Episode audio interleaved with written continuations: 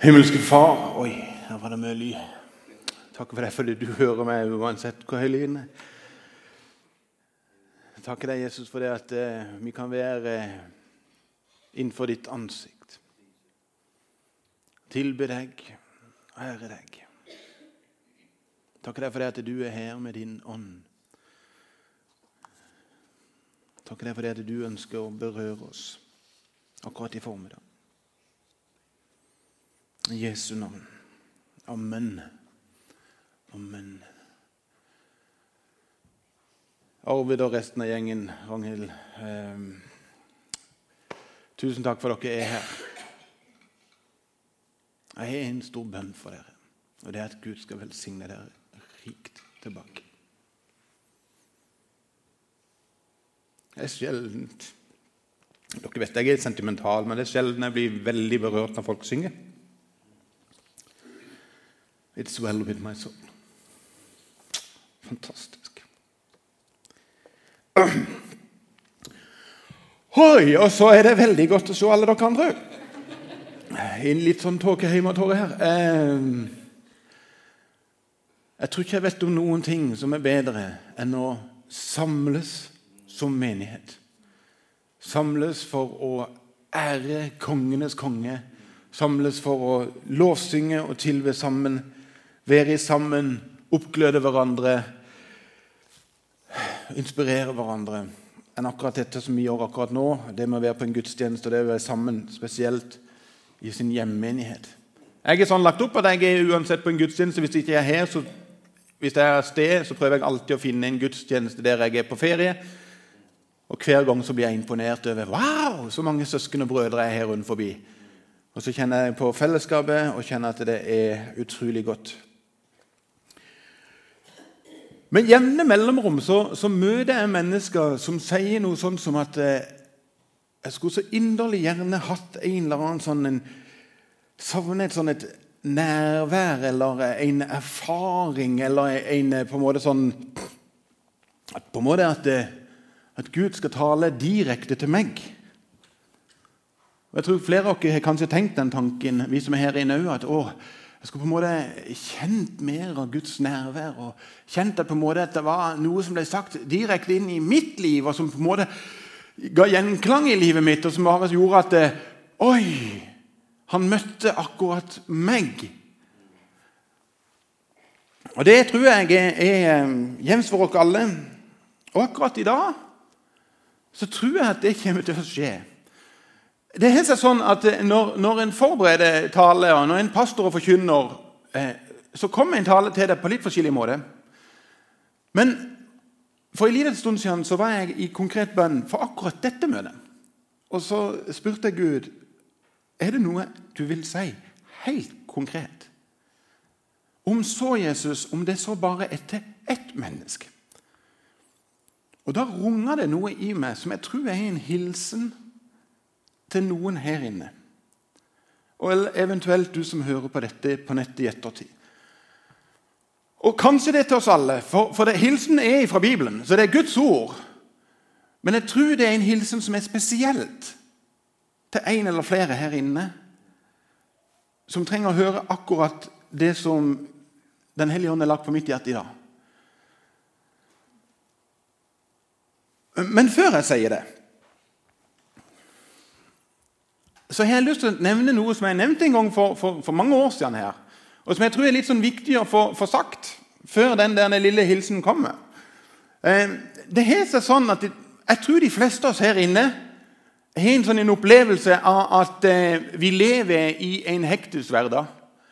Jeg tror ikke det er bare meg som kjenner litt på det. At livet går utrolig fort. Jeg har truffet noen som er sånn i 70-80 år, sånn, og de sier det er ikke lenge siden jeg var 50. Hvor ble vi som de årene? Og så Vi som har blitt med som opp i 40-årene, vi lurer på hvor var vi som Vi var jo just 25. Altså, Jeg er jo blitt 45, og det er jo ikke lenge siden jeg følte jeg var 44. Altså, Ting gjenger fryktelig fort. Og, og, Livet er litt sånn hektisk, og du føler at det, dagene strekker ikke til. Altså En vanlig hverdag, iallfall hvis du har småbarn, så er det jo litt sånn at det, det, du kjenner jo allerede at det er hektisk på morgenen. Først skal du klare å få stabla alle ungene ut av seng, og så skal du få kledd dem, og så skal du få fôra dem, og så skal du få dem med deg i bilen. og Du har selvfølgelig forsovet deg bitte grann, og den ene ungen er ganske sånn furten. Og du kjører de av sted for plassert i barnehage og skole, så kommer du deg på jobb. Og når du endelig kommer på jobb, så har sjefen funnet på at du har fått noen nye krav og noen budsjetter som du skal klare å nå. Og du kjenner at du, du blir pressa fra alle hjørner. Jobber du som lærer, så har de selvfølgelig kommet en ny lærerreform. Og er du elev, så er det jo litt sånn at uh, du skal liksom prestere noe. Du skal på en måte levere gode karakterer, og du skal på en måte være flink og du skal virkelig få deg en utdannelse. Det er ikke nok med at du klarer å få deg en videreutdannelse. Du må ha en bachelor og minst en master. Hvis du lurer, så legger du på en doktorgrad på toppen av det, for da blir du liksom et eller annet her. Og For dere som er foreldre, så er jo vi som ikke hverdagen ferdig engang, eller dagen ferdig når jobben er ferdig. For Når du endelig kommer hjem, så må du til å lage middag. Og Mens du lager middag, så kommer du jo på at skittentøyskorga er større enn vaskemaskinen. Du setter på oppvaskmaskinen, nei, ikke oppvaskmaskinen, ikke hiv klærne inn i oppvaskmaskinen. Men du hiver klærne i vaskemaskinen, får den på, og mens du spiser middag, så begynner du å planlegge med ungene hvordan alle ungene skal komme til de forskjellige aktivitetene. Og du begynner å kjøre dem til den ene aktiviteten til den andre. Tenk om ungene kunne ha gått på den samme aktiviteten. tenkte jeg av og til. Hvorfor skal de alltid gjøre forskjellige ting? Du må liksom kjøre hit, og så skal du dit, og når du endelig kommer dit, så kommer du på å filler'n heller, jeg skulle jo vært på en foreldrekonferanse i kveld. Og så Du ringer til kona eller ektefellen eller mannen din og så sier du det at du, noen må komme seg på det der foreldremøtet. og Så er det et komplett kaos. og Når du endelig kommer hjem, så er jo ikke hverdagen ferdig ennå. For da må du til å lage kveldsmat til disse ungene, og du skal fôre dem. Og så skal du få dem i seng. Og til slutt så synker du ned i sofaen og så ser du på TV, og så er det ingenting å se på. Så du stikker Facebook i tillegg. og som er som og Da er selvfølgelig vaskemaskinen ferdig, så du må ned og få hente opp alle klærne. Og Når du endelig kommer opp igjen der, så kjenner du litt på angsten for at min eldste mann skulle jo vært hjemme for lenge siden. Han er ikke kommet enda. Og det er akkurat da at din ektefelle presterer det kunststykket å velte et himlende svært glass med kaffe, altså brus i en kaffekopp. Han har jo selvfølgelig lagt opp i en kaffekopp, sånn at ikke ungene skal skjønne at han ikke drikker kaffe. men at det, ja. Og Det veltes, og det spruter utover hele bordet pluss litt på sofaen og litt på deg. Og akkurat da så kjenner du at dråp, Gi meg en liten hånd. At dråpen er én for mye. Har du vært med på det? Du kjenner det blir bare én dråpe for mye. Og så bare kjenner du at nå flyter mitt beger totalt over. Og du bare fyrer deg opp og gi din ektefelle eller den som måtte være i nærheten av deg, det glatte lag. Og så kommer ikke bare det som akkurat skjedde i forhold til et brusglass, men da kommer alt som er på innsida, som en annen sånn trykkoker. Og på en måte strømmer ut, og du bare er der og galler. Og hvis du er da gift med ei kone, eh, sånn som jeg er, så blir de kanskje til og med historiske. For da kan de komme opp med ting som skjedde for tre år siden. Jeg husker sist du velta et glass, og så tenker du kjære med tid, det var det nå kommer på nå. Det rare er jo at hvis en ser litt sånn på skrått på det, Altså, for jeg tror de fleste av oss har det litt sånn som dette. her. Det rare er jo det at eh, hvis du ser litt sånn skrått på det, så er det jo litt rart. For den, denne dråpen som fikk begeret til å renne over, den kunne jo aldeles ingenting for at begeret var fullt. Jeg mener, Han kom jo just. Det var jo ikke hans feil at begeret var fullt. Men det er ofte den lille dråpen der som får begeret til å flyte over, som ofte får skylda for alt andre. Og Jeg har av og til sagt det sånn Går det an å leve et liv der ikke begeret er fullt hele tida? Der ikke livet mitt er på en måte så anspent at jeg klarer ikke helt å sortere tankene mine. Og derfor Grunnen til å nevne dette her, er fordi at det budskapet som jeg har til en eller annen her inne, må treffe i et beger som er mottagelig, som ikke er fullt. For akkurat nå er det så fullt at du klarer ikke å ta inn noe mer. Og så er det bare så fantastisk med Guds ord. Det er at det gir oss noen tips om hvordan vi kan få lov til å tømme våre livsbeger. Og Den ene plassen det stender noe som er veldig vesentlig. Det er eh, 'Kom til meg, alle dere som strever og bærer tunge byrder, og jeg vil gi dere hvile'. Og Så sitter du her og tenker ja, det tror jeg, det, tror jeg, det har jeg hørt før. Ja, men er det ikke rart at selv om vi ofte kjenner på at vi skulle gått med noe, så går vi med det til Gud, og så tar vi det med oss igjen? Vi prøver på en måte å si at vet du, Gud, du må ta alle disse bekymringene mine, alle dette som jeg syns er vanskelig, alle disse her, angsten min og frykten min for det ene og det andre, alt det kaoset som er for tida, alle disse her spenningene. Gud, du må ta det. Og når du er ferdig med å si det, så tar du det med deg igjen og så går du videre. Det er liksom det står eh, Når vi hiver ting i glemselens hav, som det står På siden av glemselens hav så står det et skilt 'Fisking forbudt'. Men du, så deilig det er å fiske der. Der står vi ofte og fisker. Jeg gjør iallfall det. Så drar vi opp en del ting som vi egentlig har lagt der for lenge siden, og så håper vi på at vi skal klare å ordne dette sjøl. Og så er det en som stender framfor oss i dag og sier vet du noe? Kan du komme med det til meg? Kom til meg, alle dere som strever og har tungt å bære, og som har et beger som er fullt, og som faktisk egentlig savner å høre Guds stemme inn i ditt liv. Men akkurat nå så er det så mye uro at Guds ord treffer ikke hos deg.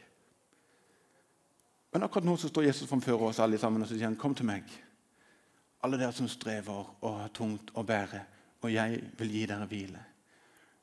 Det er en fantastisk måte å tømme sitt livsbeger på. Og så gir Jesus og Gud gjennom Skriften oss én ting til som en fantastisk måte for å få tømt dette begeret på.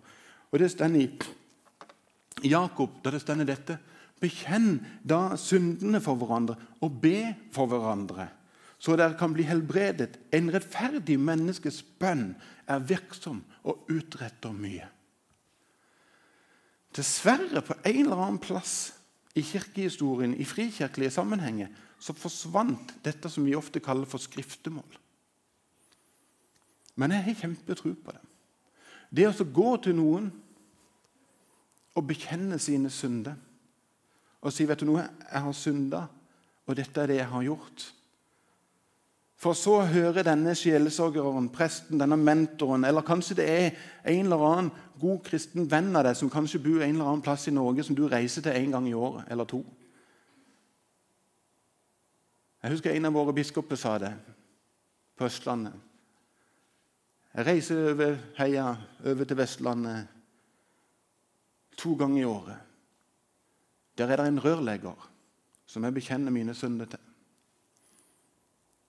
Og når jeg har bekjent mine synder, så legger han en hånd på skuldrene mine og så sier han, 'Dine synder er deg tilgitt'.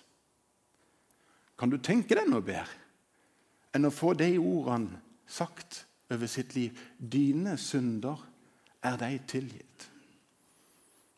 Og så står du fri og rettferdig og himmelen verdig. Dine synder er deg tilgitt. Kom til meg, alle dere som strever. Kom med alt og bekjenn dine synder. Disse to tingene her tror jeg er en måte å få tømt våre livsbeger på, sånn at Guds ord kan få lov til å berøre deg. Du som sier dette, jeg savner så inderlig at Gud skal tale inn i mitt liv. At jeg skal få en hilsen. Derfor har jeg lyst til å gjøre noe som jeg tror ikke jeg har gjort i en tale før i hele mitt liv. Men som jeg har blitt minnet om å gjøre, og så tenker jeg ok, jeg skal gjøre det, og så syns jeg det er sært og synes det er rart. Og det er rett og slett det at jeg har lyst til å på en måte invitere oss alle inn i en liten stund midt i denne talen til å bare være stille. Der det er bare du og Jesus. Der du kan få lov til å nevne for han det du har på hjertet, som du strever med. Akkurat nå skal du slippe å bekjenne dine synder for noen naboer. Men det stender òg dette her i Bibelen. Men dersom vi bekjenner våre synder, er Han trofast og rettferdig, så Han tilgir oss synden og renser oss fra all urett. Altså, du kan bekjenne dine synder i stillhet framfor Gud. Og så kan du få lov til å ha en stille stund, bare du og Jesus, der du får lov til å legge alt ditt støy, alt det som fyller ditt livs beger, ned for Han, og så si La mitt beger bli tømt av all min urolighet og all min angst. Så jeg har lyst til å si til du som hører på dette på nettet eller på podkasten Stopp med det du holder på med akkurat Hvis du er ute på løpetur, ta deg en stoppet. stopp. Og så bare bli stille. Bare bli stille. Hvis du er på en, måte, en setting der du tenker jeg vet ikke engang om jeg tror på noe Gud lenger, eller jeg vet ikke om jeg noen gang har trodd på Gud, hva har det å skade om du stopper opp i livet ditt og ber en stille bønn. Gud, du ser mine ting. Og Hvis du lurer på hvordan du skal be, så er det veldig enkelt. Du begynner med å si 'Jesus', og så sier du alt det som ligger der på hjertet. og Så avslutter du med 'Amen'. Det er en bønn. Så akkurat nå så inviterer jeg dere alle sammen inn i en stille stund, der du får lov til å legge alt det du har på hjertet, framfor Gud.